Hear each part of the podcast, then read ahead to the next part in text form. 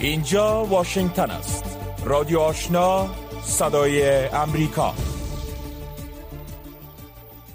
شنوندگان عزیز سلام. شب همه شما بخیر. حفیظ آصفی هستم و با همکارانم برنامه خبری ساعت رادیو آشنا صدای امریکا را تقدیم می‌کنیم. در سرآغاز برنامه خبری ساعت رادیو آشنا صدای امریکا توجه کنین به تازه ترین خبرهای افغانستان منطقه و جهان که رویا زمانی به توجه می رسانه. با تقدیم سلام. مقام های امنیتی طالبان می گویند که در نتیجه انفجار بر موتر حامل کارمندان دولتی در شهر کابل کم از کم هشت نفر زخمی شدند. این انفجار حوالی ساعت هشت صبح روز چهارشنبه دوم نوامبر در ساحه کارت مامورین از مربوطات حوزه پنجم امنیتی شهر کابل اتفاق افتاد. خالد صدران سخنگوی قماندانی امنیتی طالبان برای کابل به صدای امریکا گفته است که هدف این انفجار موتر نو کاسر حامل کارمندان ملکی وزارت احیا و انکشاف دهات حکومت این گروه بوده است. آقای صدران افزوده است که این انفجار ناشی از ماین جابجا شده در کنار جاده بود. تا کنون هیچ فردی و یا هم گروه مسئولیت این انفجار را بر عهده نگرفته است اما شاخه خراسان داعش در بیش از یک سال گذشته مسئولیت مرگبارترین حملات به شمول حمله بر مساجد مکاتب و اماکن عامه در ولایت های مختلف افغانستان را بر عهده گرفته است. هیئت معاونت سازمان ملل متحد یا یونما در افغانستان از افزایش بیسابقه خشونت علیه خبرنگاران در این کشور ابراز نگرانی کرده و گفته است که در بیشتر از یک سال گذشته بیش از 200 مورد نقض حقوق بشری علیه خبرنگاران را ثبت کرده است. جزئیات بیشتر را از احد عزیزاده مشنوید هیئت معاونت ملل متحد در افغانستان درباره عاملان ها به ویژه های خودسرانه خبرنگاران معلومات نداد. اما پیش از این های نشر شده بود که طالبان برخی از خبرنگاران افغان و خارجی را بازداشت و حتی در ها شکنجه کردهاند. یونما همچنان با ابراز نگرانی اضافه کرده است که در حال حاضر رسانه ها در افغانستان در خطر به سر می‌برند. ملل متحد از همه گروه ها در این کشور خواسته است که برای حفاظت از خبرنگاران تلاش کرده و نیاز است تا به معافیت از مجازات در افغانستان پایان داده شود. اخیرا سازمان گزارشگران بدون مرز گفته که یافته های آنان نشان می دهد که در حدود یک سال گذشته 219 رسانه چاپی، صوتی و تصویری در این کشور از فعالیت باز مانده است. به گفته این سازمان پیش از مسلط شدن طالبان بر افغانستان 547 رسانه وجود داشت. اما در حال حاضر تنها 328 رسانه در این کشور فعال است. در این حال مرکز خبرنگاران افغانستان از بسته شدن رسانه های خصوصی ابراز نگرانی کرده و گفته است که نسبت به ادامه این روند و محدود شدن بیشتر رسانه های آزاد و کوچک شدن جامعه رسانه‌ای در این کشور به طور جدی نگران است. سرپرست نمایندگی دائمی افغانستان در سازمان ملل متحد باری دیگر از ادامه محدودیت های طالبان بر زنان و دختران افغان انتقاد کرده و گفته است که این گروه افغانستان را به بدترین مکان جهان برای زنان تبدیل کردهاند. نصیر احمد فایق نوقت روز گذشته در نشست مجمع عمومی ملل متحد که درباره گزارش سالانه شورای حقوق بشر این سازمان برگزار شده بود وضعیت زنان و دختران را در افغانستان شدیدا نگران کننده خوانده است. آقای فایق در ملل متحد با نشر متن سخنرانی خود در توییتر افزوده است که طالبان در حال تجرید جنسیتی سیستماتیک علیه زنان و محروم ساختن آنها از حقوق بشر می باشند که نقش حیاتی زنان در جامعه به نسبت عدم دسترسی آنها به تحصیلات اشتغال و رهبری تضعیف گردیده است. اداره سرمفتش ویژه ایالات متحده در امور بازسازی افغانستان یا سیگار امروز چهارشنبه ابراز داشت که با محدودیت های غیر مترقبه در عرصه انجام وظایفش مواجه است. این اداره در گزارش رو به سال به کانگرس ایالات متحده نوشته است که سیگار برای اولین بار در تاریخ کاریش قادر به ارائه گزارش کامل خود به کانگرس و مردم امریکا با تمام معلومات مصارف حکومت ایالات متحده نیست و دلیل آن عدم همکاری چند اداره حکومتی می باشد. در این متن آمده است که اداره ایالات متحده آمریکا برای انکشاف بین المللی یا USAID که اکثر بودجه حکومت آمریکا را برای افغانستان نظارت می کرد و همچنان وزارت خزائن از همکاری با سیگار ابا ورزیدن در حالی که وزارت خارجه ایالات متحده در ارائه معلومات به سیگار سلیقه عمل کرده و معلومات عمومی را به سیگار ارائه کرده است ولی از ارائه جزئیات برنامه هایی که در افغانستان از آن حمایت می کند خودداری نموده است. کانگرس تا کنون به این گزارش سیگار واکنش ارائه نکرده است. خبرهای منطقه و جهان را از امواج رادیو آشنا صدای امریکا دنبال می کند کره شمالی امروز چهارشنبه سه میزایل را به سمت قلمرو کره جنوبی پرتاب کرد. پرتاب این میزایل ها زنگ خطر حمله را در سواحل کره جنوبی به صدا درآورد. مقام های کره جنوبی گفتند که این اقدام تحریک آمیز کره شمالی تنش نظامی را در شبه جزیره کره افزایش بیشتر می دهد با گفته نظامیان کره جنوبی یک از میزایل های پرتاب شده در 57 کیلومتر شهر سوچو در آب فرو رفت. سوچو یک شهر ساحلی سیاحتی است که در شمال شرق کره جنوبی موقعیت دارد. کره شمالی در سال روان میلادی تقریبا 50 میزایل بالاستیک به شمول میزایل های قراپایما را آزمایش کرده است. اما به استثنای تازه ترین پرتاب میزایل در گذشته هیچ یک از میزایل ها به سمت قلمرو کره جنوبی پرتاب نشده بود. پرتاب این سه میزایل پس از آن انجام شد که کره شمالی روز سه شنبه برای دومین روز پی هم هشدار داد که تمرینات هوایی ایالات متحده و کره جنوبی که همین آلا جریان دارد آمادگی برای تهاجم احتمالی است.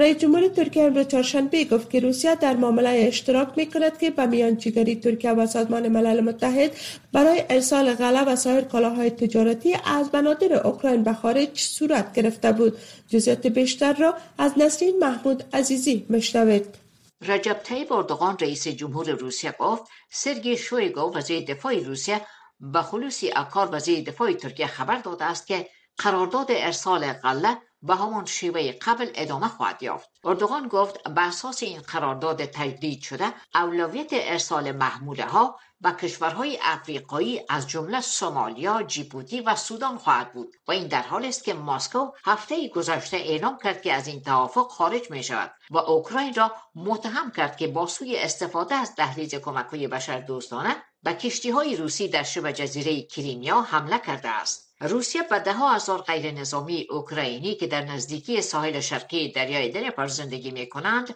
دستور داده است که آنجا را تخلیه کنند. امری را که اوکراین کوچ اجباری توصیف کرده است. مقامات مستقر روسی در اینجا می‌گویند که اسکان هفتاد هزار اوکراینی به دلیل نگرانی های روسی از حملات نیروهای تهاجمی اوکراینی است. نیروهای روسی همچنان به حملات خود بر اهداف غیر نظامیان و تأسیسات انرژی ادامه داده است که باعث کمبود برق و خدمات انترنتی شده است. در ادامه خبرها به نظر می رسد که بنیامین نتانیاهو صدر پیشین اسرائیل با کسب 80 درصد آرا در انتخابات ملی این کشور امروز چهارشنبه پیروز شود و رای دهندگان نشان دادند که او و اتحاد راست افراطیش در اکثریت در پارلمان این کشور قرار بگیرند. شمارش آرا تا تهیه این خبر ادامه داشت اما اگر نتایج اولیت درست بود اسرائیل احتمالا به سمت یک حکومت راستگرا می رود که حمایت حزب مذهبی فراملیگرا که اعضای آن اشعارهای ضد عرب و دیگر باشان جنسی استفاده می کنند را با خود دارد شمار آرا هنوز هم ادامه دارد ولی نتایج اولیه نشان می دهد که رای دهندگان اسرائیلی به سمت راست بیشتر رای دادند که امیدها برای صلح با فلسطینی ها را بیشتر کم می سازد و صحنه را برای درگیری احتمالی با حکومت بایدن و حامیان اسرائیل در ایالات متحده را آماده می سازد. سی مقام امریکایی روز گذشته گفتند که عربستان سعودی اطلاعات را با مقامات امریکایی در میان گذاشته است که نشان می‌دهد ایران برای یک حمله احتمالی بر آن کشور آماده می باشد جان کربی سخنگوی شورای امنیت ملی قصر سفید می‌گوید که ایالات متحده در مورد تهدید ایران علیه عربستان سعودی نگران است و در صورت ضرورت بدون تردید به آن پاسخ خواهد داد. این مقام قصر سفید افزود که ما از اقدام به خاطر دفاع از منافع خود و شرکایمان در منطقه دریغ نخواهیم کرد. این اظهارات مقام ارشد قصر سفید پس از آن بیان شد که روزنامه وال استریت ژورنال چاپ امریکا گزارش داد که عربستان سعودی معلومات استخباراتی را با ایالات متحده شریک ساخته است و از احتمال حمله قریب الوقوع ایران به اهداف در دولت شاهیان کشور و اربیل عراق آشدار داده است. ایران آشکارا ایالات متحده عربستان سعودی و اسرائیل را مسئول مظاهرات در آن کشور می‌داند. مظاهرات که پس از مرگ مهسا امینی بانوی 22 ساله ایرانی در داخل و خارج آن کشور علیه عملکرد جمهوری اسلامی ایران راه اندازی شده است. عربستان سعودی و نماینده ایران در سازمان ملل تا حال در مورد این خبر واکنش نشان ندادند. شی جینگ پینگ رئیس جمهور چین امروز چهارشنبه با شهباز شریف در بیجینگ ملاقات کرد. بیجینگ تعهد کشورش را به سمت سرمایه گذاری در پاکستان با وجود آزمون هایی که سال گذشته به دلیل نگرانی های امنیتی و اقتصادی جهان رونما شد تشدید نمود. بیجینگ و اسلام آباد از زمان جنگ سرد بدین سو با یکدیگر روابطی داشتند که بخش از این روابط به دلیل تنش این دو کشور با هند می باشد چین پروژه های مختلف در پاکستان دارد و هزاران کارمند چینایی در این پروژه ها در پاکستان کار می کنند پاکستان در برنامه یک کمربند یک راه به ابتکار چین نقشی کلیدی دارد این برنامه روی اعمار بندرها، سرکها و راه آهن در منطقه برای گسترش تجارت در کشورهای مختلف در آسیا، آفریقا و اروپا تمرکز دارد. و در خبر اخیر گزارش ها می رساند که مقام های ترکیه هشت فرد مزنون به شمول مدیر یک معدن دولتی زغال سنگ را دستگیر کردند این افراد در پیوند به انفجار 14 ماه اکتبر در یک معدن در شهر بارتین واقع در شمال ترکیه دستگیر شدند. رویدادی که به جان باختن 41 تن انجامید. خبرگزاری انادول ترکیه روز سهشنبه گزارش داد که در میان افراد دستگیر شده چاهات ازدمیر مدیر معدن معاونش و انجینیران معدن شامل هستند. در گزارش همچنان گفته شده است که از میان 24 تنه که در پیوند به این رویداد هفته گذشته دستگیر شده بودند 16 تنشان رها شدند. بر اساس نتایج اولیه بر اساس نتایج اولیه تحقیقات سهلنگاری سبب نشأت گاز در این معدن شده است. پایان خبرهای منطقه و جهان از رادیو آشنا صدای امریکا. شنوندگان گرامی رادیو آشنا صدای امریکا نشرات رادیو آشنا را در موج متوسط 1296 موج کوتاه 11575 اعشاری صفر و در موج 972 کیلوهرتز شنیده می توانید. توافق انرژی ترکیه با حکومت وفاق ملی لیبیا که در ماه اکتبر منعقد شد آخرین نقطه عطف تنش فزاینده بین کشورهای ترکیه و یونان است. این در حالی است که تاثیرات رقابت در مناطق از اروپا و شرق میانه در حال گسترش است. گزارش دوریان جونز خبرنگار صدای امریکا را در این مورد از سحر عظیمی میشنویم تحلیلگران می‌گویند که قرارداد اکتشاف انرژی بین ترکیه و حکومت وفاق ملی لیبیا که ترکیه از نظر نظامی از آن حمایت می کند فراتر از گذاری مالی برای انقره پیروزی بزرگ محسوب می شود. جلیل هارچاوی تحلیلگر سازمان ابتکار جهانی علیه جنایت سازمان های یافتگی فراملی می‌گوید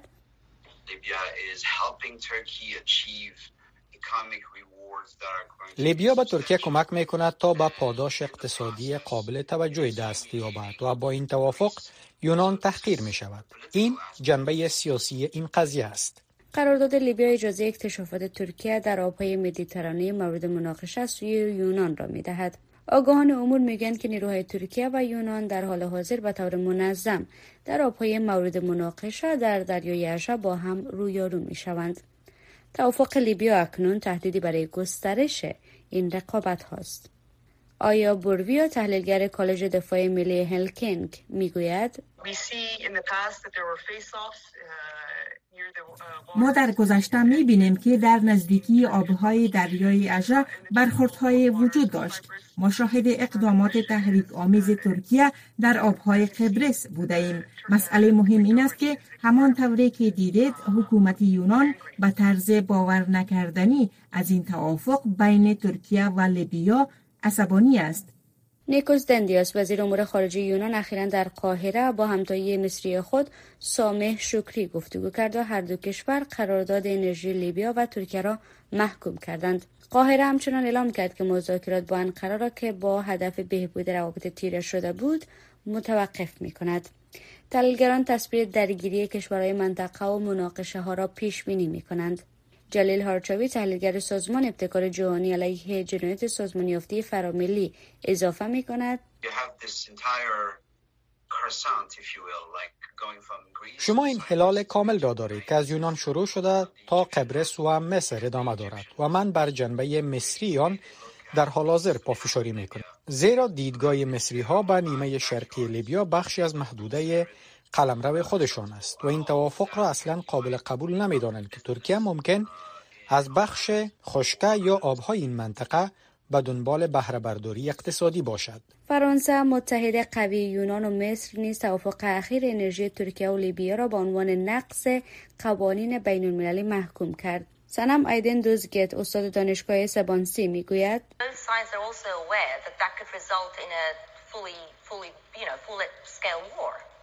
هر دو طرف می دانند که این توافق ممکن است به یک جنگ تمام ایار منجر شود. زیرا شما فقط ترکیه و یونان را در مدیترانه شرقی ندارید. شما کشورهای دیگری هم در این منطقه دارید. شما فرانسه را دارید شما اسرائیل را دارید شما مصر را دارید می‌دانید. مدیترانه شرقی در حال حاضر یک منطقه جیوپولیتیک بزرگ است. بنابراین در آن مکان شما قرار نیست فقط دو بازیگر داشته باشید و انتظار تماشا از دیگران را داشته باشید. نقطه تنش بالقوه بعدی می‌تواند این باشد که انقره کشتی های تحقیقاتی انرژی خود را با آبهای مورد مناقشه یونان تحت قرارداد لیبیا بفرستد. اما مسلما به دلیل موجودیت حساسیت و خطرات فراوان در منطقه تلگران پیش بینی می کنند که همه طرف ها برای اجتناب از هر گونه درگیری تلاش خواهند کرد. شنوندگان گرامی رادیو آشنا صدای امریکا نشرات رادیو آشنا را در موج متوسط 1296 موج کوتاه 11575 اشاری و در موج 972 کیلوهرتز شنیده می توانید. هیئت معاونت سازمان ملل متحد یا یونما در افغانستان از افزایش بی سابقه خشونت علیه خبرنگاران در کشور ابراز نگرانی کرده و گفته که در بیشتر از یک سال گذشته بیش از 200 مورد نقص حقوق بشر علیه خبرنگاران ثبت کرده اما خبرنگاران میگن که این خشونت ها علیه خبرنگاران بسیار بیشتر از ارقام است که منتشر شده. در این مورد فوزی ایسان مصاحبه با شکری صدیقی یک تن از خبرنگاران افغان که مجبور به ترک افغانستان شده انجام داده که اینک تقدیم میشه. یوناما گفته که 200 نفر ژورنالیست در افغانستان مورد خشونت قرار گرفته و در این مورد ابراز نگرانی کرده. به نظر شما خشونت علیه ژورنالیستان چی معنا میده خشونت علیه ژورنالیستان آماری که دفتر یونما به ثبت رسانده من فکر می‌کنم او در حد یک احسایه عادی بوده. ما به نظر ما آمار بالاتری در افغانستان خبرنگاران مورد خشونت های فیزیکی قرار گرفتن که شاید اونا از ترس نتانستن این موضوع رسانه ای بکنن بیایی که در دفتر یونما ثبت بکنن. به خاطر از اینکه فعلا در داخل افغانستان سکونت دارن و این برای از اونها بسیار دشوار است خواسته باشن چنین موضوعات خشونت علیه خود در رسانه ها به نشر برسانند. موضوع دومی که خبرنگاران در افغانستان یا خبرنگار افغان یا یک ژورنالیست افغان تنها خشونت این نیست که مورد ضرب و شتم قرار بگیره و یا که خشونت فیزیکی مورد خشونت فیزیکی قرار بگیره. ما در داخل افغانستان و خارج از افغانستان تمام ژورنالیستان ما امروز به حالتهای روانی بدی سفری می‌کنن حالت روحی و روانی بدی دارند. در حالی که در افغانستان تنها ژورنالیست تمام مردم در کل همگی حالت بدی دارند به خاطر از اوضاع کنونی افغانستان. ولی بیشتر از دو خبرنگاران تحت فشار روحی و روانی قرار دارند. اگر در افغانستان هستند به خاطر محدودیت هایی که علیه خبرنگاران وضع شده وضعیتشان خراب است و همچنان مشکلات اقتصادی اقتصادی در داخل افغانستان. و اگر خارج از افغانستان هستند با مشکلات روحی روانی شدیدتر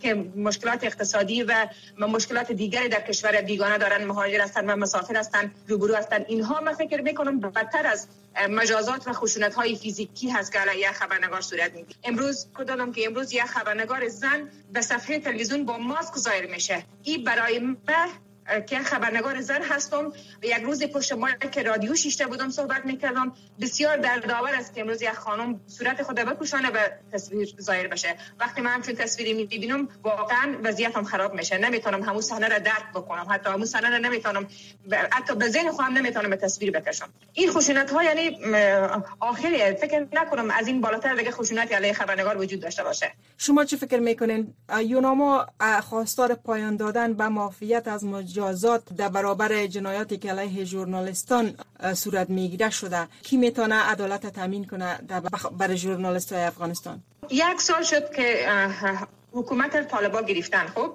و همگی جهان از وضعیت خبرنگارا در داخل افغانستان آگاه هستند. ما این قسم اعلامیه های از طریق دفتر یونما و همسال دفتر یونما حتی نهادهای حمایت از خبرنگاران ما همیشه این اناونس ها و اعلانات از طریق رسانه ها میشنویم.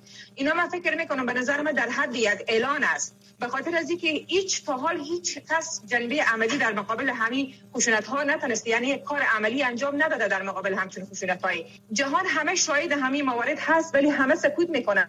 سکوت عملی می‌کنن. این که من خواسته باشه مثلا یونیما یک اعلامیه نشر بکنه که 200 تن از خبرنگارا در داخل افغانستان به مجازات فیزیکی گرفتار شدن این در حد یک اعلان است. بیان اقدام بکنن. چی اقدام شده؟ مثلا به نظر شما اقدام عملی چی است که خشونت در برابر خبرنگارا کاهش پیدا کنه در داخل افغانستان؟ یونیمایی که اعلان می‌کنه که امروز اقدام خبرنگار مورد خشونت قرار گرفت اقدام عملی یونیما چی بوده؟ ما می‌خوایم حداقل استاد بشن به مقابل طالب بگن که این رسانه آزاد بی آزادی بیان باید در داخل افغانستان حفظ بشه. چرا از... چرا حفظ نمیشه؟ چرا یک خبرنگار در داخل افغانستان مورد لطفو قرار می‌گیره؟ به خاطر از اینکه می‌خواد یک صحنه تظاهرات یک خانم رو به نشر برسانه مورد لطفو قرار می‌گیره. همین چند روز پیش مشاهدنی بودیم که یکی از خبرنگاران طالبان در کابل از یکی از رسانه های کابل مورد لطفو قرار داده بود و عکس از او در پخش کردن همین چند روز پیش. و شما چی فکر می‌کنین؟ چرا استاد نمیشه؟ چرا از خود طالبا یونما پرسان نمی‌کنه این مسئله را به خدا ما تا جایی که فکر می‌کنیم فکر می‌کنیم شاید ترس موضوعی ترس باشه به تصور ما به خاطر اینکه یک جهان نمی‌تونه مقابل یک حکومت بسیار عادی که حال او جهان به رسمیت نشناخته استاده شود. چرا نمی‌خوان موضوع مثلا جدی پیگیری بکنن؟ تغییراتی که در افغانستان آمد خودت را به عنوان یک ژورنالیست چقدر متاثر ساخت؟ من من بی حد متاثر شدم. شاید من او کسی که یک زمانی پشت مایک شیشته بودم صحبت می‌کردم حالا نیستم. من اصلا به عنوان یک خبرنگار کلا ناامید هستم به خاطر از اینکه هیچ کس نمی‌خواد نه تنها از یک خبرنگار و قشت خبرنگار یا قشت زن خبرنگار در افغانستان حمایت بکنه اصلا افغانستان مورد حمایت قرار نمی‌گیره. رادیو آشنا صدای امریکا هفت روز هفته. خبر و گزارش ها و تحلیل های خبری روز. قاضیان محکمه جرایم بین المللی روز دوشنبه تقاضای کریم خان یک سارنوال این محکمه را برای آغاز تحقیقات روی جرایم جنگی در طول 20 سال اخیر در افغانستان در حال تصویب کرد که دیدبان حقوق بشر میگه این تحقیقات باید شامل تمام جوانب درگیر جنگ در افغانستان و شمول نیروهای ایالات متحده شود. در رابطه به اینکه آیا محکمه قادر به انجام تحقیقات همه و شفاف و خصوص در قبال جرایم جنگی که طالبان مرتکب او شدند خواهد شد لینا روزبی مصاحبه با عبدالسبحان مصبا معاون اتحادیه حقوقدانان افغانستان انجام داده که با هم میشنویم. ایالات متحده یکی از کشورهایی بود که با انجام این تحقیقات توسطی محکمه مخالفت داشت. به نظر شما این محکمه توانایی تحقیق همه جانبه روی تمام جوانب درگیر در جنگ افغانستان را داره؟ بسیار تشکر. سلام خدمت شما و بیننده های محترم فلسفی وجودی محکمه جزای بندلی به می خاطر است که در کشورهایی که امو دستگاه عدلی و قضایی از او برای مردم عدالت را تامین کرده نمی‌تونه اینا من حیث صلاحیت تکمیلی عدالت را تکمیل بکنه. و اصل بسیار مهم برای این محکمه ای است که به شکل عادلانه و مساوی و به شکل مستقل و در مطابقت به اساسنامه روم و اصول وضع شده خود عمل بکنه. بحث اساسی در صورت تصاوی و عادلانه بودن امی است که اینا بدون از اینکه هیچ ترس و حراسی از هیچ کشور یا قدرت داشته باشه با مو تحقیقات خود ادامه بده تا عدالت با وجه بهترش تامین شود این ما فکر می‌کنم که اگر اینا به شکل مستقل تحقیقات خود را انجام نده موجودیت این محکمه در خود تحت سوال قرار می‌گیره و در خصوصا اگر باز عدالت برای کشورهایی که ضعیف هستند عملی شود اینجا خود عادلانه بودن اینا تحت سوال قرار می‌گیره. بله. خب افغان ها بیشتر در طول دو دهه گذشته و اکنون نگران جرایم جنگی هستند که توسط طالبان صورت گرفته. به نظر شما حال که طالبان در افغانستان مقتدر هستند بر سر قدرت هستند این محکمه توانایی از داره که به اسناد و تحقیقات خود در داخل افغانستان بپردازه. خب باز هم بحث عادلانه بودن زیر سوال میشه. بدون شک طالبا انواع مختلفی از جرایم جنگی را در طول 20 سال مرتکب شده که به واسطه از او افراد بیگناه و ملکی قربانی از او شده.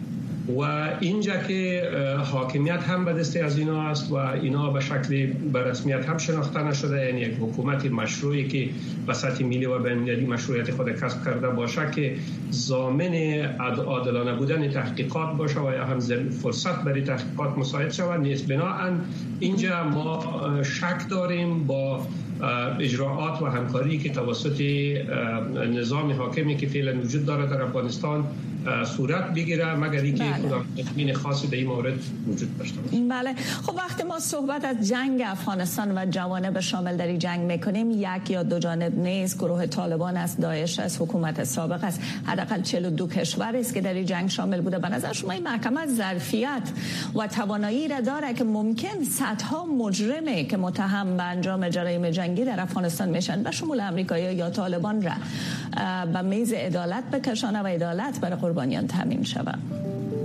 خب حساسیت موضوع در خصوص اجراعات محکمه نمی است که طرف مقابل از اینا حکومت های بسیار قوی هستند به خاطر که این جرایم معمولا توسط کسای صورت می‌گیره که مربوط حکومت ها میشه. گرچه جرایم شخصی از جنبه شخصی خود داره هر فرد مجبور است که جوابگو باشه ولی به هر حال پشتیبانی میشه.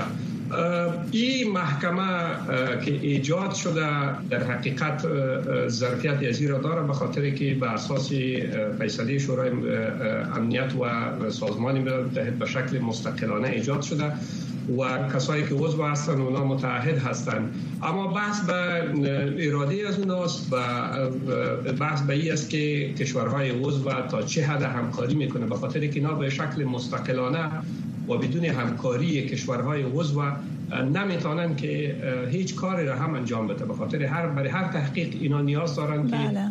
کشوری که عضو از اینا هستن همراهشان همکاری بکنن خب در حال که صحبت از رسیدگی به جرایم جنگی در گذشته است در حال حاضر هم اکنون جرایم جنگی در افغانستان جریان داره به نظر شما تا چه حد مهم است که ممانعت از از وقوع بحران های بیشتر بشری و جرایم جنگی در افغانستان صورت بگیره و بحث اساسی از ایجاد اینمی محکمه ای است که بحث مسئولیت در برابر جرایم به سطح بین الملل کاهش پیدا بکنه و یا ختم شود معافیت در برابر جرایم ختم شود. بدون شک جرایم بین المللی در افغانستان هم همین اکنون خصوصا جرایم جنگی ادامه داره و اینمی عمل کرد اینمی فشارهایی که وارد میشه بدون شک تاثیر مثبت بالای از اینا می‌کنن یعنی مانع همچو جرایم میشه. و لازم است تا این محکمه تحقیقات خود را انجام بده به هر حالتش. تا ای که امی گروه های در درگیری که فعلا در افغانستان جنگ می‌کنن هر گروهی که هستن اونا احساس بکنن که این محکمه امو در مطابقت به امو اساسنامه که دارن فعالیت می‌کنه و کسی مسئولیت نداره در برابر. بله.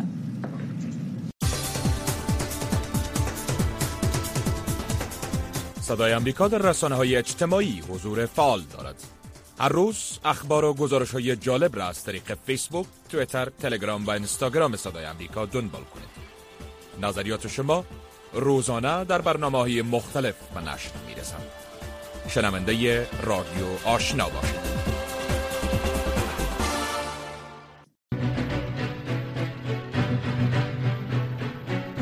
شنوندگان عزیز. ای بود داشته های برنامه خبری که در همینجا به پایان رسید. اما نشرات پشتو و دری رادیو آشنا صدای امریکا همچنان ادامه داره شنونده رادیو آشنا باشید.